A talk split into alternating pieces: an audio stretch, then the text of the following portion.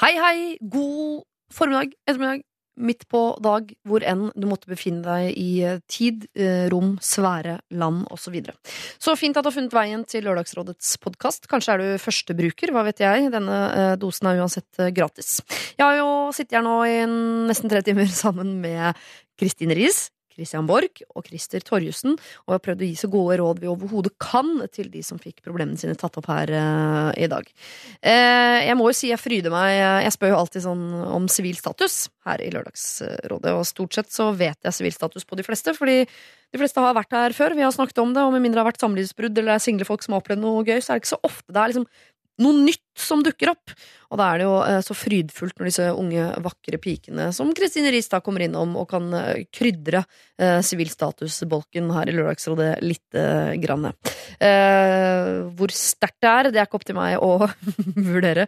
Men uh, du får i hvert fall et lite kikkhull inn i privatsfæren uh, til Kristine Riis om bare litt. Og etter det så følger det på med eh, i hvert fall en, en drøy, god time med gode råd også fra eh, Bautaen og eh, Biffen.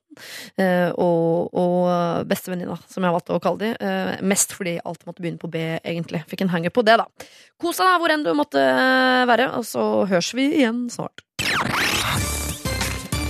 God morgen, du hører på Lørdagsrådet, hvor jeg, Siri Kristiansen, sitter og venter på at dagens rådgivere skal komme og hjelpe meg og gi deg gode råd fram til klokken eh, tolv.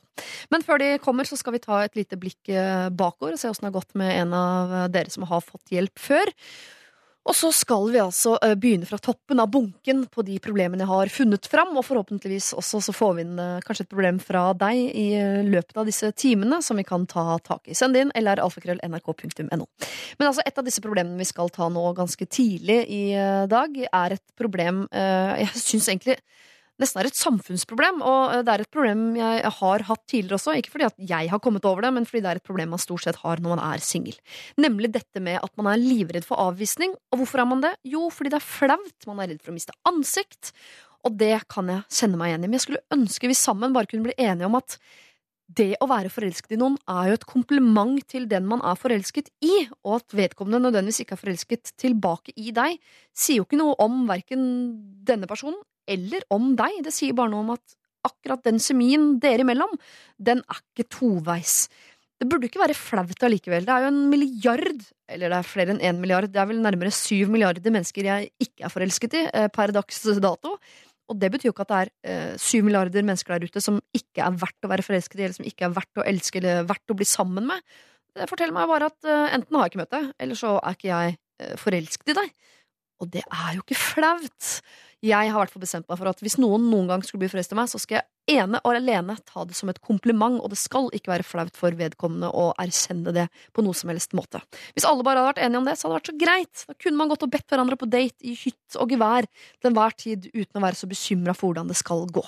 Dette problemet skal vi straks ta tak i når dagens rådgivere er på plass, men først altså et lite blikk bakover for å se åssen det har gått med en av dere som har sendt inn deres problem tidligere. Ask Embla eh, hørte vi der. Eh, Låta heter selvfølgelig Father's eh, Eyes. Jeg sa vi skulle ta et lite tilbakeblikk, og det skal vi, men det er ikke gammelt. Det er ikke mer enn en uke eh, gammelt, dette her, altså. Fordi for en uke siden så eh, prøvde jeg å hjelpe en jente som heter Amanda, som hadde opplevd noe litt ubehagelig i en ellers så hyggelig familie. Hun hadde en eh, tante med en mann eh, som hun var glad i, og eh, som hun hadde egentlig et tett forhold til. Både hun og mannen hennes, og de passet barna og i det hele tatt. Altså, det var eh, folk hun hadde mye med å gjøre, og som hun var glad i, og som hun syntes var ordentlige folk. Eh, Hun hadde truffet denne onkelfiguren på byen ved en anledning for ca. et halvt år siden, hvor han eh, oppførte seg veldig lite onkelaktig. Hun var ikke så veldig konkret på akkurat hva det var, men det var uten tvil en utrolig ekkel følelse som hun hadde båret på i et halvt år, og var usikker på hvordan hun skulle bli kvitt den. Skulle hun ta det med han? Skulle hun involvere hele familien? Eller hvordan skulle hun eh, klare å riste av seg denne litt ekle følelsen uten å ødelegge verken eh, sin familie, deres familie eller den gode stemningen dem imellom? Du skal få høre noen av rådene Amanda fikk for en uh, uke siden, da jeg satt her sammen med uh, Silje Therese Reiten Nordnes, eller Silje Nordnes da, fra P3 Morgen. Uh, satt her sammen med Ronny Brede også, også fra P3 Morgen, som jo sammen skulle ha VG-lista for en uke siden. Og ikke minst med sine to meter også da Lars Berrum. Og her er noe av det de sa.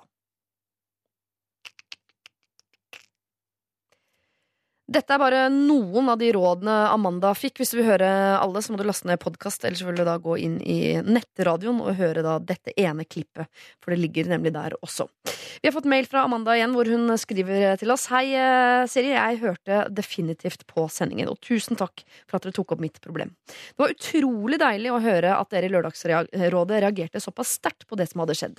Det ble i seg selv en bekreftelse på at det som eh, skjedde, ikke var greit. Og jeg blei overrasket over hvor godt det faktisk var å høre på. Eh, at andre blir sinte på mine vegne. Jeg skjønner også at dere stiller spørsmålstegn ved om jeg kan ha mistolket det som skjedde. Det var fint at dere lot tvilen ligge på min side. Det er helt riktig, som det blir nevnt, at jeg ville ikke sendt inn problemet om jeg ikke var helt sikker på at han gikk langt over streken. Jeg syns rådet jeg fikk om å ta dette opp direkte med min onkel i utgangspunktet er veldig fornuftig og mest riktig, og jeg håper virkelig at jeg har guts til å gjøre akkurat det. Samtidig er det jo også utrolig vanskelig nettopp fordi jeg er så redd for reaksjonen, for eksempel om han vil fornekte det som skjedde, og om jeg i så fall greier eller bør ta dette videre da med min tante eller andre i familien. Det irriterer meg selvfølgelig veldig at jeg har latt tiden gå, men man blir forvirret etter en slik episode og går litt i fornektelse av hele greia. Uansett hva jeg velger å gjøre, så var dere med på å klare opp i en del tanker rundt det som skjedde. Og PS, du får sende en stor takk til rådgiverne som deltok denne lørdagen. Jeg følte meg veldig heldig eh, med sammensetningen med så kloke og fine folk. Og eh, takk for ukas beste radioprogram. Hilsen Amanda. Du, Veldig hyggelig, Amanda. Her har du i hvert fall gått videre i din tankeprosess, og det er jo noe av det viktigste. Hvordan du velger å gjøre på sikt, det er opp til deg hva du er komfortabel med. Men vi syns ikke du bare skal la dette her eh, ligge. Tidens tann leger faktisk ikke alle sår. Det kan komme en skorpe eller et arr, men det blir ikke så bra som det en gang var. Da må det røskes opp, med rot og det hele. Og det er vondt, men det er bare det som kan gjøre at det en gang blir helt bra. Jeg ønsker deg eh, lykke til. Til dere som hører på, så eh, er det åpning for å få gode råd her i dag, også fram til klokka tolv, når nå straks de dagens rådgivere er på plass. Send inn problemet ditt, da. lralfakrøll.nrk.no er adressen du bruker. P3. The Weekend med sin Can't Feel My Face var det, og før det Fetty Wap med Trap eh, Queen. God morgen til eh, dagens eh, rådgivere. God morgen. God morgen, god morgen. Det er to menn og en kvinne. Alle heter nesten det samme. Kristin Riis, god morgen. God morgen, Siri. Christer Torjussen, god morgen. God morgen. Og Christian Borch, god morgen. God morgen. Mm. Eh, selv heter jeg også Kristiansen. Ja. det er et slags tema her. Jeg skulle mm. ønske jeg kunne si at det er derfor dere er her, men det er det altså ikke. Dere er her fordi jeg tenker at dere er gode rådgivere. Eh, og det skal dere være fram til klokka tolv. Hvordan, eh, Hva skjer? Har dere ikke sommerferie? Jeg har ikke sommerferie. Nei? Jeg, jeg har den siste tiden vært uh, Skal jeg fortelle hva jeg har gjort? Ja, ja. gjør det. Jeg har vært, jeg har vært uh, programleder i Tidenes morgen på NRK P13, ja. som ligger to etasjer under her vi sitter nå. Mm. og på mandag så begynner jeg i P3 Morgen. Ja. Så med andre ord så liker jeg å, å, jobbe og stå opp tidlig hele sommeren. Ja. Og snakke. Ja, og prate. Mm. Okay. Ikke noe ferie på trappene? Jo da, men ikke før i august. Nei, det er ofte da det blir varmt. Så det er greit. Og da har jeg bursdag også, så da kan jeg ha, feire meg selv og ha fri. Du det blir digg. Du da, Christer, er det noen ferieplaner? Litt. Jeg skal stå ned på Latter i sommer, på sommerstandup og sånn. Bortsett ja. fra det så skal det grilles. Mye. Hjemme i Tønsberg. Hjemme i Tønsberg. Jeg har kjøpt meg kulegrill. Godt pælma i sånn tre meter svær sånn svær greie man kjøper fordi man tror man skal ha det, og så gått helt tilbake til basic. Er det en retro-indie-trend eh, nå å gå tilbake til kullgrillen? For jeg syns jeg hører om dette stadig, at folk kaster gassen. Det er ikke bare meg. Nei? Nei, Gass er litt sånn dritt, fordi det brenner ujevnt og sånn. Ja. Da kjøper man sånn atomreaktor av en sånn liten kuledings mm -hmm. som svir maten på 30 sekk. Så det er kjempebra. Jo, men er ikke kull en del av grillopplevelsen? Altså, den kullsmaken er jo en del av grillopplevelsen. Det og tennvæske. Mye tennvæske. Alt skal smake litt sånn kjemisk. Mm. Og brent. sånn kreftfremkallende. Da, da koser jeg meg. Ja, men da får du i hvert fall drept mukkmaten ordentlig. ja. Det syns jeg er ålreit. Hva med deg, Kristian Borch? Du er jo i en sånn evig ferierus nå, i og med at du har gått av med pensjon. Eller? jo, jo, jo. Jo, jo, jo, Merker kan- du forskjellen fra sesong til sesong? Ja, altså Forskjellen fra et år tilbake i tiden er at den gangen ble jeg liksom holdt i nakken og styrt eh, gjennom et system. Nå er jeg plutselig blitt en sånn freewheeling-figur som har holdt orden på min egen tid. Og det er jaggu meg litt av en utfordring. Det er første gang siden jeg dro til sjøs som 16-åring at jeg opplever det. Ja. Ikke sant? Men det har gått bra. Men det er fryktelig travelt. Jeg får ikke helt tak på om du elsker det, eller om du syns det er litt frustrerende. Altså Det jeg driver med, er fryktelig morsomt. Det er en vilter variasjon fra liksom å holde foredrag om de politiske aspektene ved Beethovens komposisjoner til å drive kjøre seminarer om Europa på Donau og skrive bok og i det hele tatt sånt. Så det er, eh, det er ganske morsomt. Og så grilling, da. Grilling, så bare si det at Jeg brente opp tre sånne veldig avanserte gassgriller hvor du, liksom, ikke sant, du ser dashbordet på dem, og så tenker du at her bør du ha sånn trafikkflyversertifikat for å holde ut av det. Det er egentlig bare tull, altså. Jeg mener, skal du grille, så skal du grille. Jeg mener, Grilling er jo det ekstremt primitive. Jeg murte opp noen stein jeg fant. Det er en greie, og det er vår grill. Familiens grill. Ja, ikke sant? Men da Mm. snakker vi på sommerstedet, for du bor jo i en leilighet høyt, høyt oppe. Du har ikke murt opp en grill der? Nei. For det er utrolig farlig i så fall.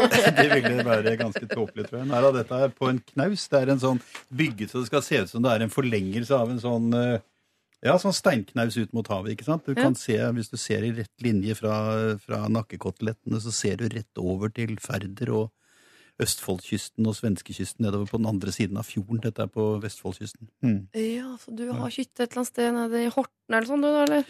Det er midt mellom Kjerringvik og Ulheim. Det er altså i, mellom Larvik og Sandefjord. Helt ute i hagapet Uti der. nedi Mm. der, ja. Ja. Det er det vi kaller for Solkysten, vi som bor der. Ja, Man må bo der for å kalle det det, da. Ja, jeg tror det. Nei, det tror jeg ikke. Nei, altså det, er, det morsomme med på det stedet der, så kan du se liksom at regnet står som en sånn salatbolle rundt deg, og så skinner solen rett ned der. Mm. Alltid. Akkurat det samme sier vi i Son. Ja, det gjør det, ja. Ja, ja, med den samme salatbollen og alle greier. sant? Ja. Men sola skinner alltid rett ned i sånn. Dere, Vi må ta en runde på sivil status. Det gjør vi alltid her i Lørdagsrådet. Greit å vite hvilken plattform dere står på som uh, rådgivere. um, så ikke dere liksom bare uh, snakker om ting dere ikke har peiling på. på en måte. Uh, Mm. Da er det greit å vite det, i hvert fall. Christer? Samme som sist. Eh, gift, to barn, fremdeles lykkelig. Vært nå alene fem dager med barna. Bytta litt sånn roller. Nå har min kone vært ute og reist og vært på konferanser og sånne ting. Og det har vært fem dager, helt fantastiske dager med meg og barna. Ja. Idet hun setter foten sin altså hjemme, så går det fra jeg er tørst, jeg, til jeg vil ha drikke. Det er veldig rart hvordan De alt begynner å sutre, altså. Med en gang hun kommer inn. Så fra hun kom hjem i går, så har jeg vært surv, og jeg har vært oppe én time i natt og krangla med en fireåring. så fornuftig. Ja, Fordi hun vil ligge i senga vår, og det går jo ikke, for det er ikke plass. Men er det sånn andre veien også når du har reist, så er de veldig veldig hyggelige helt til du kommer inn døra? Eller er det rett og slett hun som er roten til uh, alt Jeg vet ikke, jeg, jeg, jeg Fins noe svar på det der? Eh, nei, men ofte er jo barn grusomme hvis de har begge foreldrene sine til stede. Ja. Mm. Det syns i hvert fall jeg. og mange med Snakker meg du om deg selv? Ja, Nei, lite grann. Litt grann alltid en undertone av meg selv. Mm. Er det med deg, Kristine? Eh, Sivilstatus? Ja. Nei, men altså, jeg har jo Forrige gang var du litt rotete. Jeg var, ja, jeg var det. Ja. Jeg husker at jeg var det, Siri. Eh, jeg er ikke så rotete nå. Nei. Eh, men jeg er ikke så tydelig heller. Jeg er eh, Jeg har jo eh, Du er ikke gift. Nei, ikke gift. Skal vi begynne der? Vi begynner der. Nei. Jeg er ikke gift. Har du barn? Eh, jeg er ikke barn. Nei. Jeg har ikke samboer. Nei. Oi. Det var veldig morsomt. Jeg er så klønete at jeg Men begynner å rive har ned du ting fra en veldig god venn? Det har jeg. Har du kavaler, sier du? Ja, for det er noe bestemor ville sagt. Jeg har en venn. Ja, Spenstig type. Eh, ja, Ja. ja, det har jeg. Eh, jeg, har, jeg har en eh, spesiell som jeg er mye sammen med. Ja. Men eh, Men hvis du sier høyt nå på radio at dere er kjærester, så vil Ja. han kanskje sette kaffen litt grann i halsen av glede eller overraskelse eller jeg tror ikke han ville satt kaffen i halsen, liksom. Det tror jeg ikke. Men jeg tenker at jeg kanskje skal ta det med han først. litt Det er litt, med han på det. eh, det er litt ferskt, med andre ord. Så hyggelig, da. Ja, det er koselig. Det er, andre, eh, altså det er mye av det for tiden. Mm. Jeg tror det er sommeren som er i gang med å, å åpne blomstene sine. Jeg synes det er, Folk får seg liksom Å, er det, gode venner over en lav sko her nå. Er det mange du prater med? Som Silje var her forrige lørdag. Silje fra Petter det? P3morgen hadde jo også og kara i land ei ja. frue. Ja. Det er jo hyggelig, det. Mm. Kara i land høres ikke bra ut. Kristian Borch, åssen er det med deg? Rå oss Jo, ut av dette. Jo, jeg er som jeg før var. Jeg er altså, har vært gift, enkemann, eh, gift på nytt, skilt og lykkelig samboende med en dame fra både Italia og Frankrike på en gang. Du er min far, på en måte. Ja, det kunne jeg vært. Ja, ja. Bestefar omtrent, tror jeg. Ja, kanskje på en måte. Ja, i hvert fall far. ja. Mm. Men du koser deg, og hun eh, er- liker deg like godt nå som pensjonist som når du var yrkesaktiv. Ja, bedre. Hun liker deg bedre Mm. fordi du har mer å gjøre, eller fordi du har mindre å gjøre? Nei, jeg vet ikke hvorfor. Men det, nei, jeg, jeg, jeg tror ikke det er noen rasjonelle forklaringer på det. Altså, Kjærlighetens veier er uransakelig, og måten man gjør ting på, er på, ser hverandre på og sånn. Nei, jeg, Kjærligheten blomstrer. ja, nei, det går bra. Og dette har jeg ikke spurt deg om før, Kristian Christian Borch, men det har vi startet med nå ganske nylig. Å spørre eh, hvor, hvordan du anser deg selv sånn i forhold til konfliktskyhet. Er du eh, veldig konfliktsky, eller ikke i det hele tatt? Nei, jeg, er nok ikke konfliktsky, nei. Det er ikke det. Jeg har levet av konflikter i 40 år, på en måte. Store internasjonale, farlige konflikter. Øst-vest-forholdene, spenningen mellom den arabiske verden og den vestlige verden, og terrorisme og krig og faenskap. Så politiske spenninger i Europa etc. Det har vært mitt levebrød. Men alt det der er peanuts helt til man kommer hjem og kona har mensen. Det vet du. Det er jo... Ja, det vet jeg jo. Jeg vet alt Ja. om det der. Men så du, er liksom, du tar en hvilken som helst konflikt? Ja, det, altså, det, Konflikter er til for å løses, for å si det sånn, og det blir de. Ja. Mm. Så deilig. Det er veldig bra at vi har med oss ja. her i dag. Åssen er det med deg, Kristine?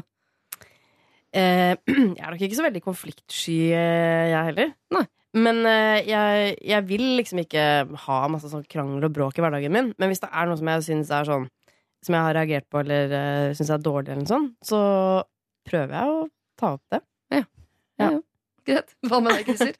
Konfliktsky? Ja. Nei, jeg er jo dessverre en som går rett inn eh, ja, Nei, jeg elsker det ikke, men jeg er så dum at jeg plukker de. Det er jo ikke lenge siden. Det var en gjeng med folk som satt på, på, på bussen og med sånn mobiltelefon drithøyt på med sånn Staysman og Lass eller et eller annet sånn musikk Å, som kanskje ikke jeg relaterer meg så mye til. da Hvor Mm. jeg liksom blir han derre Hei, kutt ut, da! Der er, det er Og du meg. rett oh, ja, i på offentlige sammenhenger sånn. Ja, Ja, ja, der er jeg ja. litt feig. Der er jeg, og det har jo fått meg i en del situasjoner. Grunnen til at jeg ikke har fire fortenner som er mine, er jo på grunn av akkurat det her. Oi. Fra Stian og Staysman. Nei, ikke denne situasjonen her. Det her går mange år tilbake. Men jeg er for dårlig på å gå unna og gå rundt. Ah, men det, vet du hva? eh, Jeg liker jo at folk ikke er konfliktsky, men i sånn offentlig rom så syns jeg man skal etterstrebe seg å være litt konfliktsky. Så der har du noe å jobbe med, Christer. For det er slitsomt med de folka på bussen som kjefter for ting. Hvilken bussrute er det du vanligvis pleier å kjøre på? Nei, det er Vestfold, da. Ikke Det er sant? det Det er, Det er bare Nøtterøy, sånn det- Tønsberg, Tønsberg, Nøtterøy. Er det noen spesielle tidspunkter du pleier å være på den bussen? Kanskje det kan være skoleslutt, jeg vet ikke. Det er bare greit å vite i tilfelle jeg skulle finne på å ta Nei da. Vet du hva, For da tror jeg jeg jeg, ville velge en annen, for å si jeg, det sånn. Jeg vet jeg har forbedringspotensial. Ja. Eh, jeg, noen ganger så kan jeg bite meg i det og tenke at ja, de, nå koser de seg, men andre ganger så Ja. Nei, Ja, så renner det. det over, rett og slett. Ja. Det må være lov.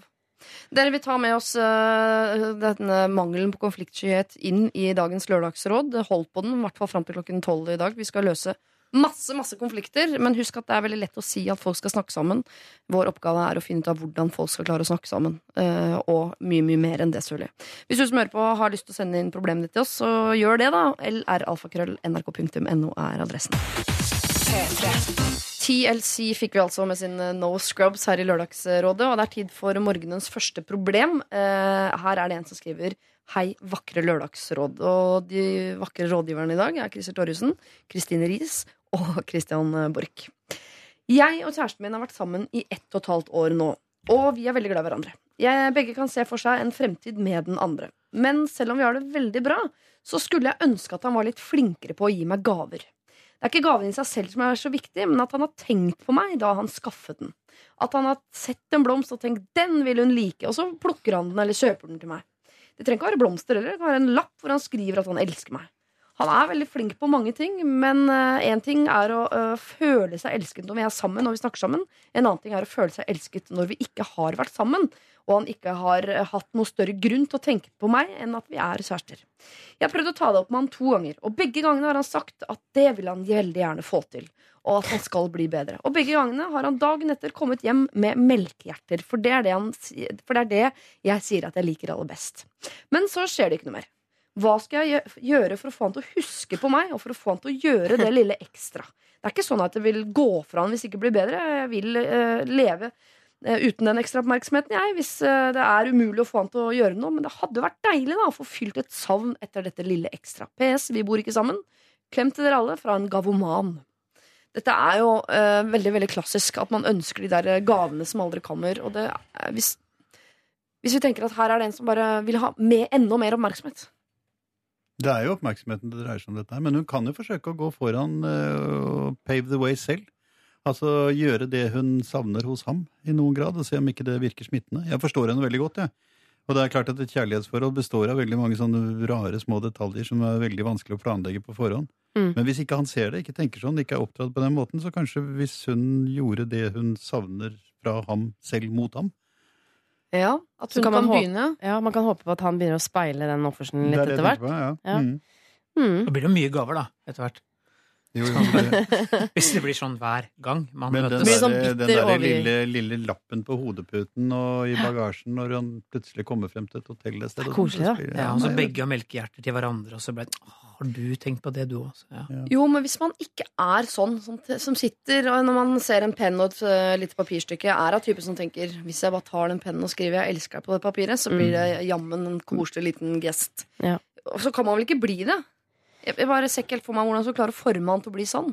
Ja, og hun kan åpne noe hos ham. Eh, hun åpner et eller annet som liksom ligger under en eller annen sånn sosial i en sosial skuff, et eller annet som da kanskje ikke er sluppet ut. Det er ikke sikkert han oppdager Vet du hva, jeg, jeg er jo gift med et av de minst romantiske menneskene jeg har møtt i mitt liv. Ja. Virke, hun fins ikke det. Nei. Omsorgsfull, snill, klok, morsom, men eh, romantisk? Nei. Eh, Jeg er alt, føler alltid Jeg er ikke at jeg kjøper noe til henne hver gang jeg er ute, men jeg føler liksom alltid at jeg liksom sånn Da skal i hvert fall jeg gjøre det. Ja. Og hvis jeg kjøper litt blomster nå og da, så tenker jeg liksom at eh, ha-ha, hvem er den som er den romantiske her? Det er meg. Det er sånn, jeg er litt sånn på sånn 1-0-greia, er jeg da. Men Ja. jeg krever ikke det tilbake. Så du kjøper det egentlig ikke til henne, du kjøper det for å smøre ditt eget ego. For å fòre mitt eget ego, og fordi at jeg er veldig glad i henne. Det er en todelt ting. Mm. Men jeg, altså, skjønner, altså, det høres ut som de har det ganske bra, liksom. Eh, og hun skjønner jo at når hun sier fra til han, så gjør han det liksom dagen etterpå, men så glemmer han det igjen, for at han er ikke sånn.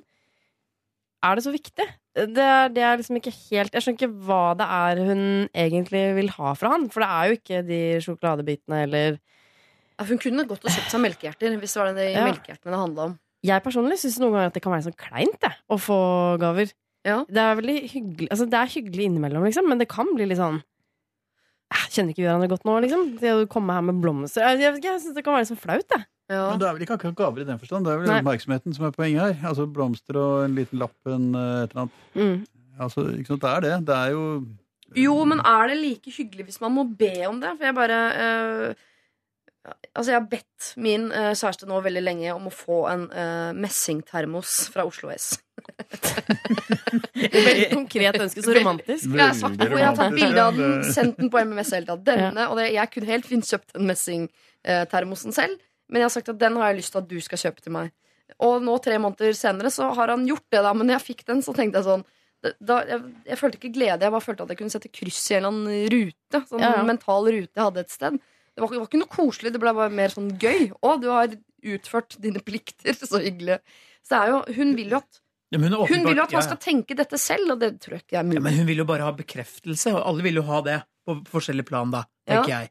Noen mer romantiske enn andre, Mm. kan man jo trygt si. Og det er bekreftelsen hennes på at han er veldig glad i henne, er at han tenker på henne når hun ikke er til stede. Det er det Ja, ikke sant? si. For det er jo det er Tenker du på meg når jeg ikke er her? Ja, Det er jo Det er det ofte, Men man kan jo få andre bevis på det også, da. Altså, Tekstmelding kan også faktisk funke. Altså. Sende noen bilder og ja, liksom holde, Bare vite som Jeg tenker på deg, liksom. Selv om ikke du er her. Jo, så er sånn er du jo med meg. når vi er fra hverandre vi, altså, vi sender jo alltid en sånn 'jeg går og legger meg natta', elsker deg. Et eller annet sånt. Ja. Det, uansett hvor vi er, så er det en sånn rut- Ja vel, det er rutine. Du er på kjøkkenet og det er en bekreftelse. Men hvis ikke jeg får den, så ligger jo ikke jeg våken og tenker 'hun er sikkert et eller annet annet med noe annet'. Nei, jeg er jo ikke der. Nei. Jeg tenker bare at ok, nå koser hun seg. Nå, nå, hun, nå har hun det i hvert fall veldig Men da er jo dere veldig trygge på hverandre. De har vært sammen i hva da, halvannet ja, nettopp. Ja, det har noe med det gjøre, Man er jo ikke liksom Nei, det er så trygge. Men, men eh, det går jo an å kanskje be om Hvis man skjønner at ok, men det er det at jeg vil gjerne vite at, ha- at jeg er med han selv når vi ikke er sammen, og at han tenker på meg, og at jeg er viktig og sånne ting. Ja. Og det, herregud, det kjenner man seg jo enig i. Ja. Men da er det veldig Det kan man jo si sånn kan du ikke sende litt meldinger og uh, litt sånne ting. Og så mener jeg at hvis det er så viktig for henne, dette med gaver, liksom, Ja. så må hun forklare det veldig tydelig for han. Og gjerne også, uten å være sånn manipulerende dame, gjerne vise hvor lei seg hun blir hvis hun ikke får det. Ja. For det mener jeg er veldig effektivt på menn. Hvis jeg kan komme med et lite råd. Det er spekulativt. Som jeg bruker mye selv. Veldig spekulativt. Ja, ja. Men Liten krokodilletåre. Tenk trenger ikke være, krokodille engang. Det kan være ekte. Hvis man er lei seg på ordentlig, så er man jo det. Ja, ja. Og det er ingen menn som liker en kjæreste som er lei seg. Kommer på hva hun er lei seg for. Ja da, det er klart det. Jeg sier ikke at jeg er sånn som sitter med ned og griner, men, men jeg har merket at de gangene hvor det har skjedd, da, Ja. eh, og da har det jo vært noe på ordentlig, så har jeg merket at, at det er ganske Så får du en pakke melkehjerter dagen etter. Ja. Ja. I hvert fall. Men ok, jeg synes på en måte sånn Hvis det handler om de små tingene, det sier hun at ikke det gjør. Men hvis det Mm. handler om at du har lyst på melkehjerter og en blomsterkasse, og sånn, så får du gå ut og kjøpe det selv. Eller så får du begynne å kjøpe det til han og se om han følger opp etter hvert. Ja. Men hvis Men det bare handler om den lille oppmerksomheten, så tenker jeg så si det til han, da, for du har jo konkret sagt jeg vil ha flere gaver av deg. Du må si si, hva det jeg om. ønsker mer oppmerksomhet, jeg ønsker en bekreftelse på Mm. at du tenker på meg når vi ikke er sammen. Men ikke mas om det, heller, for jeg tenker det må være deilig å få litt fri i toppen også. Jeg Altså, tenker hvis sånn, Hvis jeg skulle vært dratt til Kjøben med venninnene mine og jeg følte at jeg måtte drive og tenke på typen, Mm. la meg få litt grann fri, da. Oppi toppen. Ja, hvis han-. Ja. Hvis han bare kjøper godteri nå, melkehjerte og sånne ting, så en eller annen dag så kommer vi til å si 'du vil at jeg skal bli tjukk', du, og så er det gærent òg. Så Men jeg, jeg tenkte, det der å begynne å gi gaver selv og sånn, det kan fort bli veldig sånn bittert. Sånn, ja, da har jeg vært ute, da. Kjøpt noe til deg igjen. Altså, at man liksom ikke Og hva får jeg tilbake da? Ingenting! Så bra. Um, sånn at ikke det blir sånn, bygger seg opp en sånn bitterhet. da Det er vel kanskje bra å finne ut selv hva det egentlig handler om. Kanskje jeg skal formidle det. Og ikke, ikke noen sånne krokodilletårer. Jeg mente ikke det at man skal gråte med vilje og sånn. Du kan ikke gråte fordi du ikke får gaver. Nei, selvfølgelig ikke.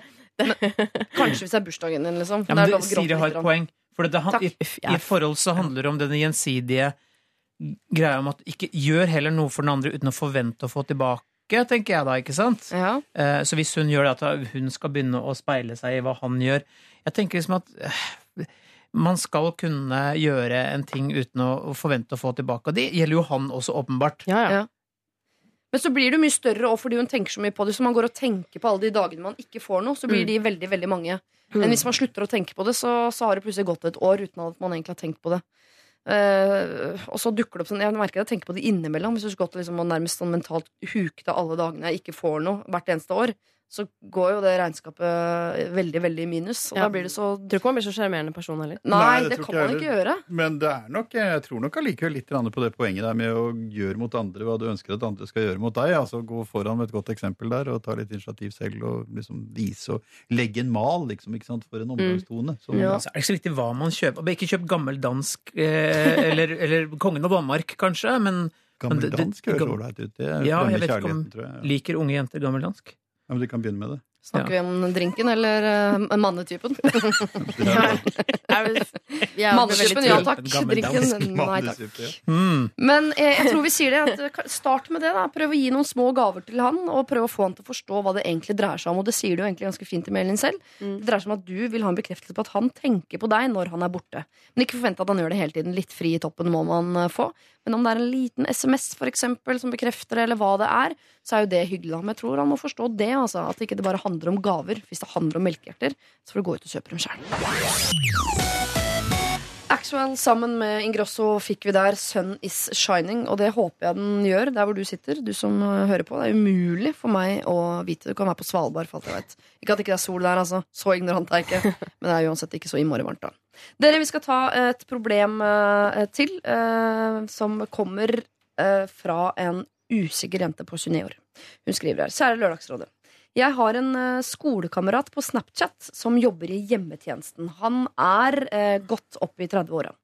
Denne fyren har i det siste begynt å sende Snapchats av jobbsituasjoner med brukerne, altså pasientene sine. Noe som er strengt forbudt. Når arbeidsplassen får vite dette, vil han umiddelbart få sparken.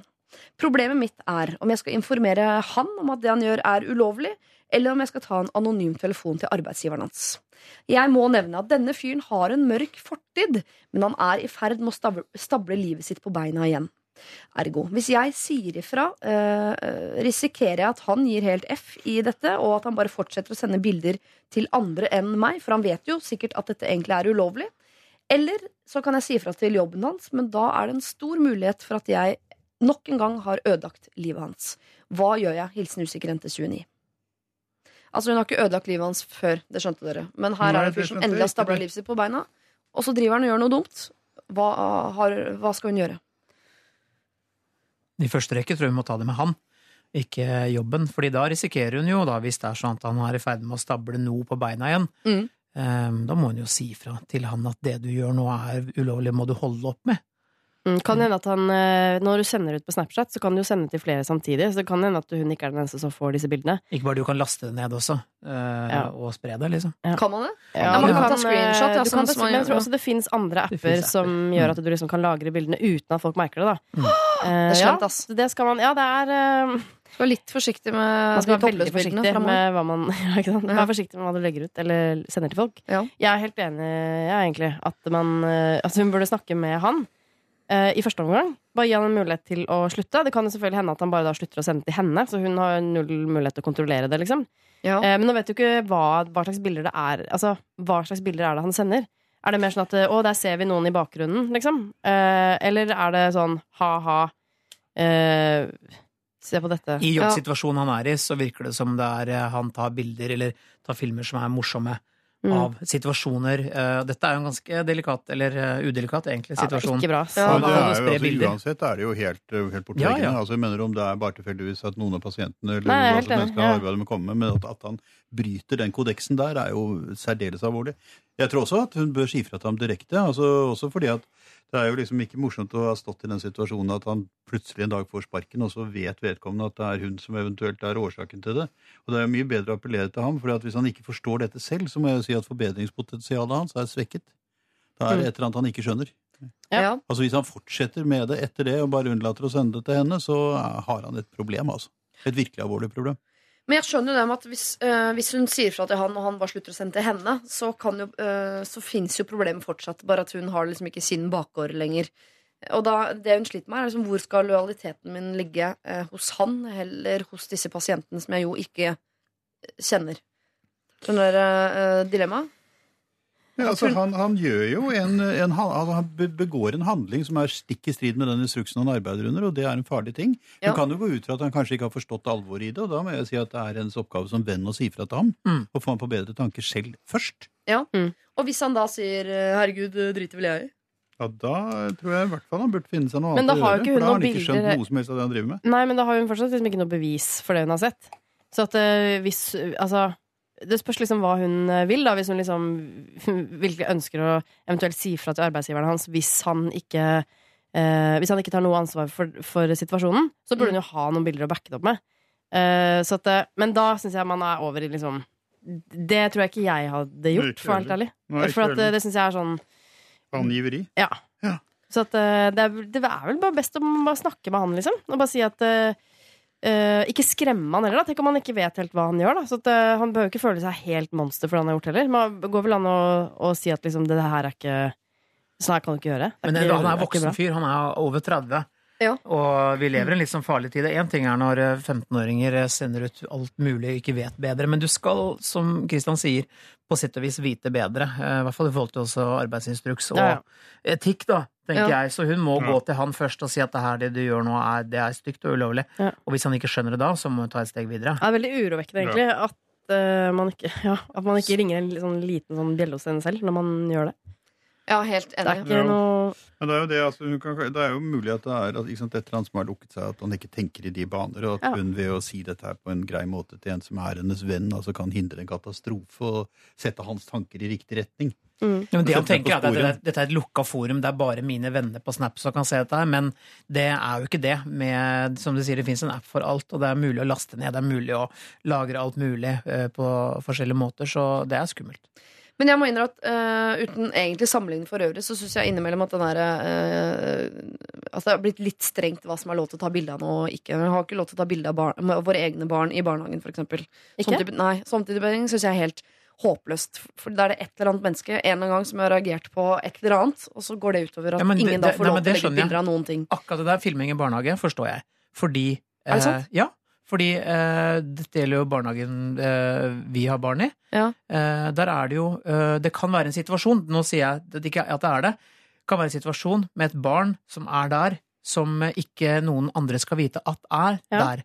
Skjønner Ja, det kan- Dette har med sikkerhet å gjøre, eh, og derfor er ikke filming tillatt i barnehagen.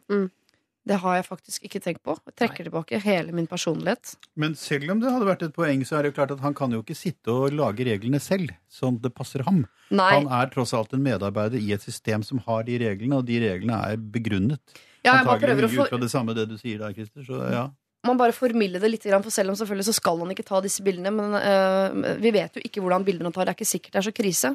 Uh, jeg bare tenker at kan hun uh, legge fram dette på en måte som ikke er liksom arresterende, men mer sånn til hjelp? Sånn jeg ser hva du driver med, og du tar bilder som du kanskje tenker at det ikke er så farlig, men det er jo faktisk ikke lov. Nå er du i ferd med å stable livet ditt på beina igjen. Er du, skal du risikere å gjøre noe som er dumt nå, sånn at du ramler utpå igjen?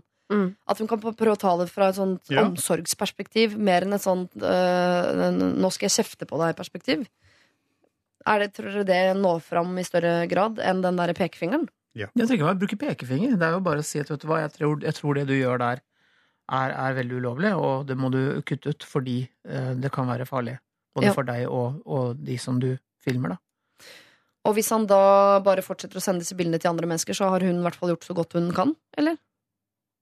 Nei, ja, altså Vi har vel snakket om at skal hun da gå videre hvis han ikke slutter Det er jo ikke hennes ansvar å gå til høyre hold og si fra. Nei. Eh, og gjør hun det, så er hun også veldig modig og ansvarsfull, selvfølgelig. Så jeg vil jo oppfordre henne til, hvis ikke det hjelper å snakke direkte til henne, at hun tar affære, fordi at det som vi alle er enige om her nå, det han gjør, er jo uetisk og, og, og forbudt, da. Mm. Ja. Mm.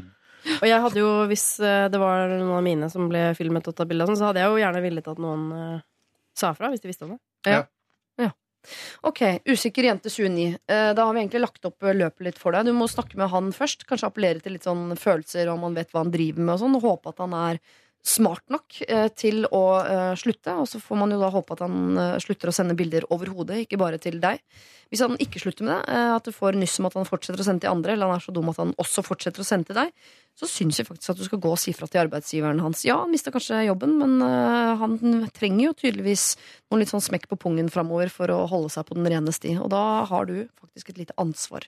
Så vi syns du skal gå hele veien der. Lykke til. Hvis du som hører på har et problem, så send det inn til oss. Vi er her fram til klokka tolv, eller alfakrøll.nrk.no. Pow Pow og Alpha Waves var det før det Kings of Convenience, I'd Rather Dance With You. Dere, vi skal eh, inn i en eh, familie, og som i enhver familie så er det stort sett hyggelige folk, eh, og så er det noen idioter. Sånn tror jeg det er i de fleste familier. og så er det da noen familier hvor det er nesten bare idioter og noen hyggelige. Og det veksler litt på hvor, mange, altså hvor grensa går mellom antall idioter og antall hyggelige folk. Jeg skal lese mail fra en fortvilet jente som skriver Hei, Lørdagsrådet. Jeg er en jente i midten av 20-årene som sliter litt med ett familiemedlem. Hun er tre år yngre enn meg. Hun er ikke søster, men nær familie. Problemet er at hun alltid lager dårlig stemning. Hun er rett og slett slem. Hun kommenterer folk sitt utseende og hva de gjør, eh, på en direkte fornærmende og veldig frekk måte. Dette er ikke noe som kan misforstås. Hun sier ting rett og slett for å være slem. Før tenkte jeg bare at hun tøffet seg, men nå er jeg blitt grundig lei denne oppførselen. Hun er blitt voksen, hun har fått sin egen familie, og da syns jeg hun burde skjerpe seg.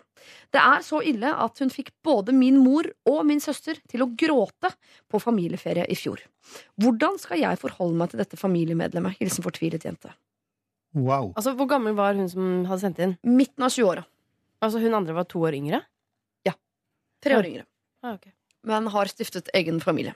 Ja, Var veldig ung da, til å tørre å lage så jævlig stemning, liksom. Blant uh, alle generasjoner. Ja, ja, Og det virker som Hun holdt på med dette her i årevis. ja, akkurat skulle til å si det. Det høres ut som hun har holdt på med det så det har blitt en livsform hos henne. Men hva gjør man med sånne? Ja, Det er ikke lett. Det er Den der, der er ikke Den der må vi mm, bruke vår klokskap for å finne en løsning på, tror jeg. Ja. Tenke. Vi har jo hatt mange problemer opp igjennom eh, hvor vi har liksom prøvd å tenke ut om er det mulig å endre folk, og svaret er vel stort sett nei. Altså, Vi har vel alle opplevd eksempler på mennesker som tror de er morsomme og gjør seg morsomme på andres bekostning, og i sum er ganske ufyselige, men uten å være klar over det selv, fordi de tror de er morsomme. Ja. Mm. Og det kan jo godt tenkes at denne jenta det er snakk om her, rett og slett ikke skjønner hva det er hun gjør. At hun altså har et annet bilde av sin egen måte å være på, og tror at hun virker annerledes på sine omgivelser enn hun faktisk gjør. Ja, og i så fall håpe det. er jo da det der å si fra til henne og finne en måte å gjøre det på. Det er riktige måten å gå frem på, tror jeg. Ja, for jeg er nysgjerrig er ikke på lett, altså. eh, disse da, eh, moren og søsteren som gråt på familieferie i fjor. Så da blir jeg umiddelbart nysgjerrig på Vet vedkommende dette, eller gråt de etterpå uten at hun så det? For jeg er enig, Det kan Ja. hende at hun ikke vet selv at hun er slem. Men altså, tror hun har vært slem, ekkel Kommenterer kjip. utseende. Ja.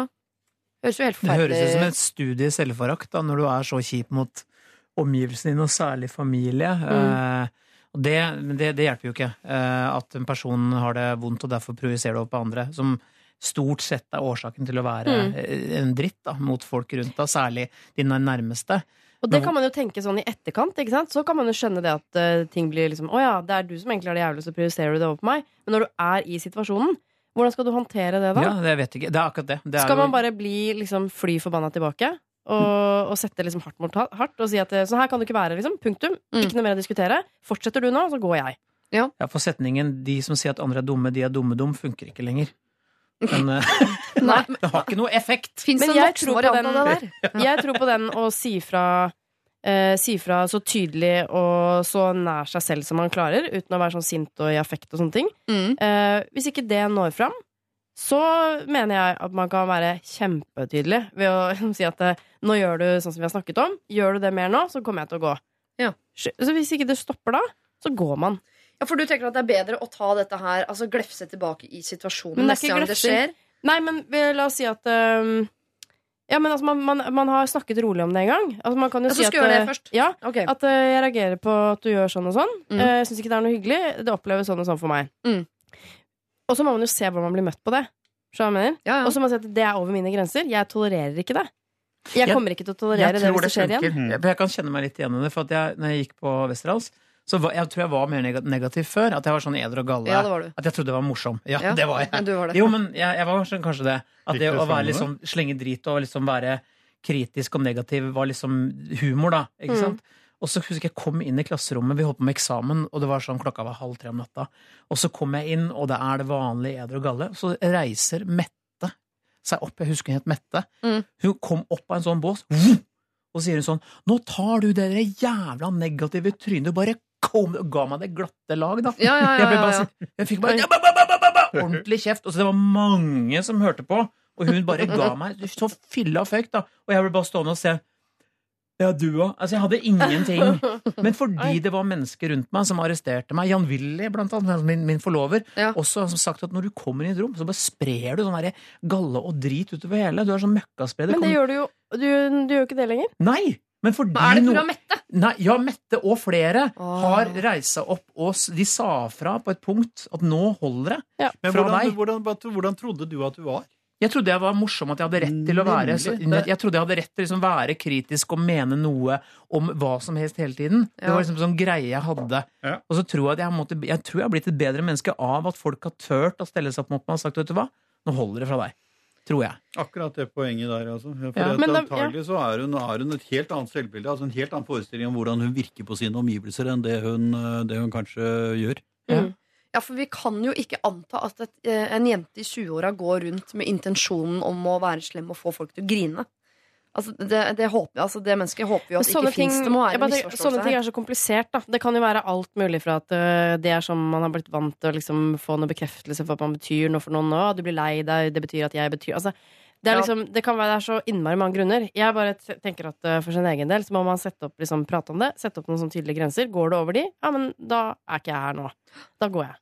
Ja, for det jeg tror er viktig, er at denne jenta hun må bli stoppet. Og så er det da eh, Blir man ikke litt så- tryggere da, da? Jo, og så må man bare finne en eller annen måte som er liksom en effektiv måte å stoppe henne på. Men Mm. også selvfølgelig i første omgang en skånsom måte å stoppe henne på. Funker ikke det, så må man gå litt hardere til verks. Det som Christer sier her, er litt et poeng. fordi at altså, Hvis hun reagerer på en situasjon som har utviklet seg slik at situasjonen ligger som et sånt elektrisk vibrato i luften rundt dem, så vil jo den pedagogiske effekten av det å reagere være ganske stor. Ja, ja, ja. Altså Da vil du liksom ikke sant, ha atmosfæren i det. altså Med et blaff så kan hun altså bli tvunget til å se dette med helt andre øyne, fra en helt annen vinkel.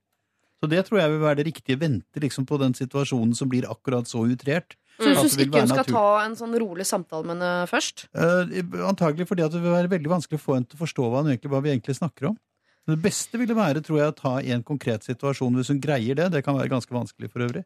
Alternativt er å, er å ta det, tenke seg om og så ta, ta en til side og gjøre det litt roligere. De verste tilfellene, der nærer jo kritikk eh, enda mer på ego, da. At jo mer du på måte, sier fra, jo mer bedre føles det fordi at det var vår reaksjon.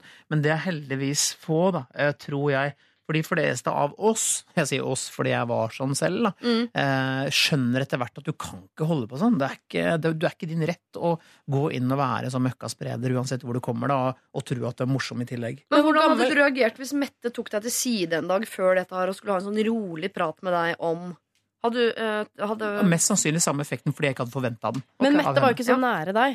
Nei, nei, hun Nei, tok det i plenum. Men hvis det hadde vært liksom, en av dine aller, Jo, aller nærmeste min, i livet Jo, min forlover uh, og bestevenn gjorde det. Jan Willy, var Jan det? Jan Willy Sjølberg eh, tok meg til side. Eller ikke, men det var, dette var hjemme, vi bodde Mm. kollektiv. Og da, han var flink til på en måte å si fra på en ganske rolig måte. Så jeg fikk på en måte begge versjoner. Altså, jeg tror det eneste måten er for, Fordi det er ikke opp til deg hva andre skal tåle, sant? Noen, det skjønne det, det er viktig, da. At Ja. hvis noen sier 'det der', det der tok jeg meg nær av, derfor blir jeg lei meg nå, så kan man ikke si 'ja, det må du tåle', for det er ikke opp til deg. Sant? Og når du lærer deg at det er ikke sånn verden funker, jeg tror man må bare gjøre noen sånne feilskjær og drite seg ut noen ganger på det, til noen faktisk sier at vet du hva, det der går ikke. For jeg er bare usikker på eh, Jeg synes eh, Alt dette høres veldig lurt ut, og så er jeg usikker på hva som er mest effektivt overfor den jenta.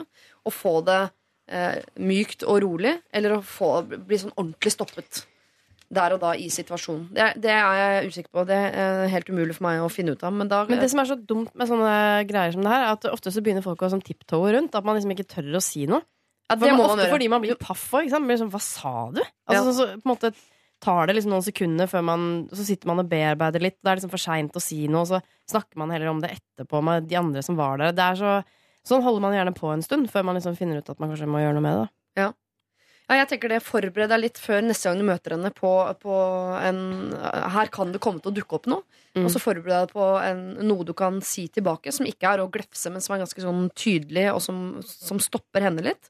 Eller hvis du syns det er mer trygt for deg å ta dette sånn på tomannshånd i forkant av neste familieforening eller neste familiefest, eller hva det måtte være, så gjør du det. Her mener at her kan du rett og slett velge litt, altså. På om, hun, øh, på om du orker å ta det der og da, eh, eller om du skal ta det under roligere former. Men ta det før du snapper. Ikke ta det den dagen med hele familien til stede, hvor du klikker fullstendig, sånn at det blir flaut og vondt og vanskelig for alle. Ta det enten eh, Slipper du å bli en case selv, liksom. Ja, nei, ikke gjør det. Ta det enten litt sånn rolig foran en familiefest, eller eh, vent til dere er i situasjonen, og ta en litt sånn ryddig greie på det da. Helt sikkert er det i hvert fall denne dama her, hun trenger å bli stoppet. Helt opplagt. Fortell meg hvordan det går eh, når du har gjort det, for du må gjøre det, og helst i løpet av sommeren. Og når du har gjort dette her, så sender du en mail til Lørdagsrådet og forteller meg hvordan eh, det gikk. lralfakrøll nrk.no. Robin Schulte altså sammen med Ilse, det der var headlights, og nå skal vi ta dette gaveproblemet. Og det er jo deilig å vite at tre av fire, i hvert fall så vidt vi kan huske, er av typen som kan eh, finne på å mugne for en gave hvis den er eh, feil. Jeg tror det er menneskelig. Ok, Selma her, 19 år, skriver Hei, fine rådgivere, jeg har et problem til dere. Jeg håper ikke det blir for iland. Det er et miniproblem, men det er fortsatt viktig for meg. For ikke så lenge siden så fylte jeg 19 år, og til bursdagen min fikk jeg en veldig dyr sportssykkel av mamma, som jeg regner med mange sykkelentusiaster ville blitt misunnelig på. Det er jo for så vidt veldig hyggelig at mamma har gitt meg en så fin gave, bortsett fra at jeg aldri sykler. Jeg er ikke interessert i sykler, jeg har egentlig aldri trengt en sykkel, fordi jeg fikk jo en sykkel av mamma til konfirmasjonen min også, og da, som nå, så ble jeg ikke spesielt glad, men jeg smilte og sa takk. Jeg klarte ikke å la være å vise skuffelse, ettersom jeg hadde jo ønsket meg mange konkrete ting som koster mye mindre penger, og som jeg virkelig ønsket meg. Jeg ble litt lei meg av hele sykkelepisoden, for hun vet jo godt at jeg har ikke lyst på en sykkel. Men hun gir den til meg basert på hva hun har lyst på. Dessuten føles det litt som om hun prakker på meg en hobby, fordi hun vil at jeg skal være mer aktiv. Må man være syklist i en sånn teit sykkelshorts for å være et oppegående menneske, spør jeg. Kanskje jeg er sta, men jeg liker de tingene jeg liker, og jeg liker ikke at mamma prøver å tvinge meg til å sykle, eller late som om jeg er lat fordi jeg ikke liker det samme som henne. Den er jo fin, og den er dyr, og jeg føler at jeg må bruke den, men jeg har ikke lyst. Jeg vet at jeg ikke kommer til å bli Tor Hushovd med det første. Jeg vil ikke ha den sykkelen, jeg trenger den ikke. Hvis jeg vil sykle, så har jeg en sykkel i garasjen som er helt fin. Hvordan skal jeg få sagt fra uten å starte en diger krangel? Jeg prøvde så vidt å si fra at jeg ikke trengte den, og da begynte hun å mase om at det var viktig å være aktiv, og at alle måtte ha en god sykkel. Hun og pappa kan ikke kjøre meg overalt. Jeg ser altså at dette her kan potensielt bli en kjempestor krangel som jeg ikke vet om er verdt det.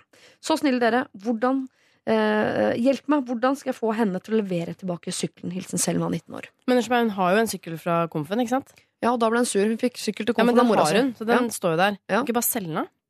Er det helt uh, frekt å gjøre, eller? Selge den nye? Ja. Om det er det samme da, da, uten å si fra til moren, da, eller? Ja, jeg glemmer at hun bare er 19 år. For jeg tenker sånn, I min alder så tenker jeg sånn Hvis jeg har en sykkel, og så får jeg en til, eh, og jeg har sagt ifra hva jeg ønsker meg, og sånn, Ja. så tenker jeg da er det jo min sykkel, og så kan jeg vel jeg gjøre hva jeg vil med den. Ja, men hun bor antageligvis hjemme, da. Så det er mora kommer til å stusse når den sykkelen ikke står i Ja, oppkjørselen ikke, nei, det kan hun ikke. Hun kan ikke selge den uten okay, å? Er frekt, det. Nei, hun er 19 år. Det, Nei, det var det. Det var det med alderen. Um, jo, men selv jeg vil hadde ikke ikke du kunnet gjøre det? Hvis, du- hvis du hadde fått en sykkel nå, det hadde liksom vært helt konkret sånn Jeg ønsker meg liksom det her, det her, det her, det her. Så bare, nei, du får en sykkel. Du har en sykkel. Skal du gjøre med det? Jo, mann 45 vil vel Skal du la dem den stå der for å være snill mot moren din? Ja, Men man gjør jo det med mye annet rart. Da, når man får uh, kunstbilder uh, som man arver som man egentlig ikke vil ha på veggen. Og, så er jo litt sånn derre Hvor er de bildene? De har vi ikke plass til akkurat nå. Det er jo litt, du vet, det er jo Ja. litt sånn Vi sparer dem til for oss hytter, vi. Ja, ikke sant? Ja, men det er jo det er ofte at ja, jeg, jeg vet ikke, men i hvert fall kunne hun kanskje si Kan jeg bytte den inn i noe annet aktivt? For eksempel på en av disse store sportskjedene. Kanskje Ja. noe annet jeg har lyst på? Telt eller Ja. kajakk. Sovepose. Sovepose. Ja, en, en, en eh, sparkesykkel. Men det er ikke noe Ja. kult det der når man føler at foreldrene liksom prøver å prakke på en, en mer aktiv livsstil. Du burde trene mer, eller du burde altså den der, Å få en sånn følelse av at man liksom skal forandre seg, eller bli noe bedre, den er, jeg liker ikke det å få det i bursdagsgave, liksom. Nei, jeg er enig. For at jeg, bare, jeg sitter og tenker at Hvis moren hadde sendt inn et uh, problem hit til Lørdagsrådet og sagt datteren min gjør ingenting, hun er veldig veldig lite aktiv, Mm. hva gjør vi? Så kunne vi ha funnet på å si sånn Hva om du kjøper en litt dyr sykkel til henne, da, og så drar dere på noen sykkelturer og får henne litt sånn interessert i det? kunne man funnet på å si Nei, det hadde vi ikke gjort. Tror du ikke det? Nei. Ja, det tror jeg vi fort kunne ha kommet til å gjøre. For jeg Nei, tror at intensjonen til mor er Hun er kanskje litt dum, men intensjonen er ganske god. Hun Det høres ut som en veldig sånn ressurssterk mamma, altså. liksom. Hør her, Ja. dette, dette er, altså, hun har et lite problem, denne 19-åringen, for det er et ord om det moren driver med, og det er faktisk invadering. Altså Hun går jo inn og prøver å styre datterens liv og valg og beslutninger, og det er altså en feil som en del foreldre dessverre har, og det er ganske alvorlig. Faktisk, Det er en ugrei ting, og det må hun på et eller annet sett og vis forholde seg til. Jeg tror nesten hun er nødt til å ta et lite oppgjør med det. Altså, Jeg tror faktisk hun er nødt til på en eller annen måte si at sorry, Mac, men dette er Jeg skjønner at du har gode intensjoner, men dette her er altså ikke min greie. Kunne jeg få bytte den, eller kan vi finne på noe annet? Ja, noe for eksempel. Ja, nettopp. Men jeg tror rett og Mm. slett det er nødvendig, men i et litt større perspektiv enn bare det som gjelder selve sykkelen. fordi at dette her er, dette er, dette er alvorlig, og det er et kjent problem. Foreldre som liksom ønsker å overstyre sine barns utvikling på den måten der. Mm. Ja, så du mener du skal ta et litt uh, større oppgjør med moren sin? Sånn. Nå Ja, invaderer du mitt liv, du vet jo ikke hvem jeg er. Jeg er ikke en person som sykler. ta et større oppgjør, men altså se det i et større perspektiv. altså Velge en fremgangsmåte ut fra det. altså ikke sant, og Skjønne nødvendigheten av å gjøre noe. Vi hjelper henne med det, da. Hva skal Kan du ikke kjøpe, et eller annet sånt kjøpe noe til moren sin da, som man bare skjønner er helt off? liksom Mamma, jeg vil så veldig gjerne at du skal bli Kjøpe rullator til mora di? Ja, men jeg skjønner det litt også. Vet du hva, Les disse dagen, jeg, bøkene. jeg, skjønner, jeg, jeg har blitt min, mine egne foreldre. Jeg så en sånn en sånn 16-åring som kom på sånn hjul. Sånn hjul man står på, vet du. Hva da, Segway? Ja, nei, nei, nei. Nei, det er solo wheel. Solo wheel heter det. Oi, Og wow. han kom på det solo wheelet med en bikkje som løp ved siden av, med energidrikk i hånda. Ja. Og da blei jeg sånn Nei, men altså Hvem var dette? Faren din? Nei, jeg blir min egen far. skjønner ja, du? Altså, jeg ble litt sånn, Når jeg så denne kiden på 16 år, ble jeg sånn Burde ikke han ha gått? Altså, I hvert fall bevege seg. Energidrikk og hund foran. Altså, Jeg skjønner den der at liksom at Nei, han burde fått seg en sykkel. Altså, jeg- Man blir jo litt sånn. Ja. Jo, men jeg mener, Hvordan hadde du gått frem? Altså, Du hadde vel tatt det på en litt annen måte enn da, å kjøpt en tråsykkel til en si Jo, men Hvis sånn, jeg hadde vært 16 år, så ville jeg tenkt at det er det kuleste jeg har sett Ja, noensinne. det er sånn vil jeg ha òg. Det vil jeg tro, Mm, ja. selvfølgelig Det hadde vil jeg det. Hvis jeg gjør det, jeg, altså, når jeg ser de der enhjulingene. Jeg tenker at sånn vil jeg også ha. Jeg ble fysen på det sjøl, jeg. når Jeg så den etterpå Ja, ja, her en dag. Men liksom, det, Men altså, det er noe annet, for i dette tilfellet her så kommer hun jo altså deisende med denne sykkelen i den hensikt å påføre datteren et livsmønster som, som hun ikke har. Eller var det sønn? Det det ja. det er ingen som liker det. Nei, i hvert fall ikke den alderen der. sånn. Fordi jeg må liker det komme- fortsatt ikke, hvis noen prøver å forandre meg, liksom. Ja, det er det jeg mener. Det er invadering. Og det Mm. der er altså faktisk en, det er et relativt alvorlig situasjon som hun bør gjøre noe med. Og hun kan prøve å gjøre det på en Altså, Hvis du skal hjelpe henne, så vil jeg si at hun bør altså, ta problemet opp, men da prøve å gjøre det på en mest mulig behagelig måte. Og si 'mamma, jeg er kjempelei meg, men dette her er veldig flott og veldig hyggelig av deg', men jeg blir ikke syklist, og dette ønsker jeg meg ikke. Kan jeg få lov å bytte den og finne på noe annet? Ja, det Ja. høres veldig Så det, får moren bli litt lei seg. Det tåler jo det, da. Men hvorfor, hvorfor skal mor bli lei seg, tenker jeg? Det, det, det, skal jo, det er en gave til datteren. Skal jo ikke mor, handle om moren. hvis moren. blir lei seg for det, så er det fordi at hun har den intensjonen at Ja. hun vil styre datterens liv, og da må datteren gjøre noe. Men vil hun egentlig det med en sykkel, Ja. tenker jeg, som er en sånn bruksting? som egentlig er en sånn kul greie. Det å få sykkel er liksom noe av det større. Men jeg skjønner Ja, du, du hadde fase ikke gjort dette overfor dine barn uten å kartlegge terrenget? hadde du Nei, det? nei, nei, nei, nei, jeg hadde ikke det. Jeg er enig i det. Men jeg, altså, her, her er saken, da. Intensjonen til moren er god. Sant? Mottakeren vil ikke ha det. Det, det er nerven i det. Ja. Ikke sant? Og det, det, det som er det smertefulle, er jo at hun må, må si 'jeg vil ikke ha den sykkelen'. Jeg kommer ikke til å bruke den. Nei. Men da må hun kanskje prøve å si 'kan jeg bytte den til noe annet jeg kommer til å bruke'? En Ja. annen aktivitetsting. Eller om ikke annet, i hvert fall noe hun har lyst til å ha. Bruke. Men jeg er, redd for at, jeg er redd for at jeg må si at jeg er uenig med deg i at morens intensjoner er gode. For det er ikke det. Altså, Moren har den hensikt at hun skal styre datterens utvikling i en retning hun ønsker. For dette er en veldig sånn mm, indikativ handling. ikke sant? Mm. Den, er, den legger et veldig sterkt bånd på at dette skal du bruke fordi du skal bli sprek, og du skal sykle, og du skal bli sånn som jeg vil at du skal Men bli. tror du ikke hun selv tenker at hennes intensjon er god? Ikke sant? Altså, jeg tror ikke hun gjør dette her Jeg tror ikke at- moren ser, Jeg tror hun tenker selv, at jeg er, må jo være verdens beste mamma som kjøper en så dyr sykkel. Da tror du ikke at hun tenker det om seg selv? I den grad hun tenker så mye om hodet, tenker jeg. jeg tror, eh, problemet her er at hun tenker kanskje litt for lite, og i hvert fall at hun ikke er så veldig flink til å se datteren sin, og hvem hun er. Men det kan nok hende at ønsket om å styre henne kommer fra et sted som er ganske godt. Hun, altså hun ønsker at datteren skal bli mer Skal ha aktiv. det bra, ikke Det kan man jo skjønne. Jeg har jo, uh, allerede nå så tenker jeg at jeg skal passe på at barna mine holder seg aktivitet. På en eller annen måte Så hvis Jo, men de altså, eh, låser seg ned i kjelleren med Game of Thrones og en halvannen liter med Urge, så er det jo klart at det er mulig jeg foreslår å ta en liten sykkeltur til Hørn. Det kommer jeg til å foreslå på et eller annet tidspunkt. Jo, men da, altså, jeg mener, du gjør vel, du gjør vel da for å altså, ikke sant, du prøver jo altså, Jeg dro til sjøs da jeg var 16 år, og det tror jeg skyldtes det ganske enkle faktum at min mor fikk meg til å lyst, få lyst til å dra til sjøs. Ja. Jeg tror det var ganske nødvendig, for det hadde skåret seg totalt i mitt forhold til eh, skole og litt av hvert annet. Så jeg mener hun kunne jo sannsynligvis styrt dette, men det hun gjorde, var at hun fikk satt i gang mine indre bevegelser, mine indre prosesser, ikke sant, slik at jeg fikk lyst til å gjøre dette på en måte. Hvordan gjorde hun det, da? Nei, det var Hun grep fatt i noe som jeg antagelig hadde i meg. Og jeg, det mener jeg har ikke gjort noe mer fornuftig i mitt liv, tror jeg, enn akkurat det der. Så, det er altså egentlig- spørsmål om å opptre som altså en, en mor styrer ikke sitt barn som om dette barnet var en voksdukke som du kan liksom modellere etter ditt eget hode. Du må altså bruke helt andre metoder, og det er derfor jeg på en måte sånn, sant, mener man kan diskutere om intensjonene egentlig er gode, for det tror jeg ikke de er, faktisk. Nei. Men hvis vi går ut fra at intensjonen er at hun vil at eh, datteren skal være sunn, som jo er en god intensjon, så er det jo, kan vi være enige om at det kanskje er andre, bedre måter å få Ah, til det på enn å kjøpe den der eh, sykkelen. Ja. Da må hun motivere henne på en annen eh, måte. Uh, og hvordan Selma 19 år skal oppdra moren sin til å bli en som kan oppdra henne på riktig måte, Mm. det høres ganske vanskelig ut. Men vi er vel i hvert fall uansett helt enige om, kjære Selma, at den sykkelen kan du uten tvil si fra om til moren din på eh, at du ikke ønsker å ha. Og så trenger du ikke å gjøre det eh, Du trenger ikke med sinne eller være sur eller noe som helst sånn, men du kan legge det fram sånn at en sykkel er ikke noe du trenger. Du ønsker å bytte det inn i noe annet som du kommer til å bruke i større grad enn denne sykkelen. Og blir Mm. moren din lei seg, ja, vet du hva, så er det en situasjon hun har satt seg selv i, så det trenger du ikke å tenke så veldig mye på. Hvis du har et problem, så send det inn til eh, oss. lralfakrøll.nrk.no er adressen. Nå skal vi høre Lani her i Lørdagsrådet. P3. Lincoln Park har vi hørt med sin Numb, og før det Lani med denne ILYSB, som står for et eller annet som jeg ikke husker hva er uh, lenger. Dagens rådgivere er Kristine Kristine Riis, Christer Torjussen og eh, Christian Borch, var, som hviler nesa si mot mikrofonen. Det var mikrofonen som kom bort under nesa mi. Det var ikke. Skyld på mikrofonen. Ja, ja, ja, det er mikrofonfeil.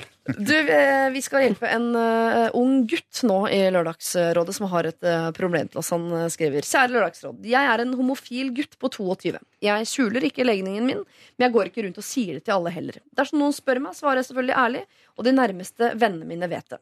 Problemet mitt er at jeg er veldig usikker på hvem jeg burde si til at jeg er homofil, uten at de spør først. Jeg syns det virker veldig unaturlig å si at jeg er homofil, sånn helt uoppfordret når jeg møter nye mennesker, men jeg vil jo heller ikke, og jeg vil heller ikke at folk skal huske meg som han homoen.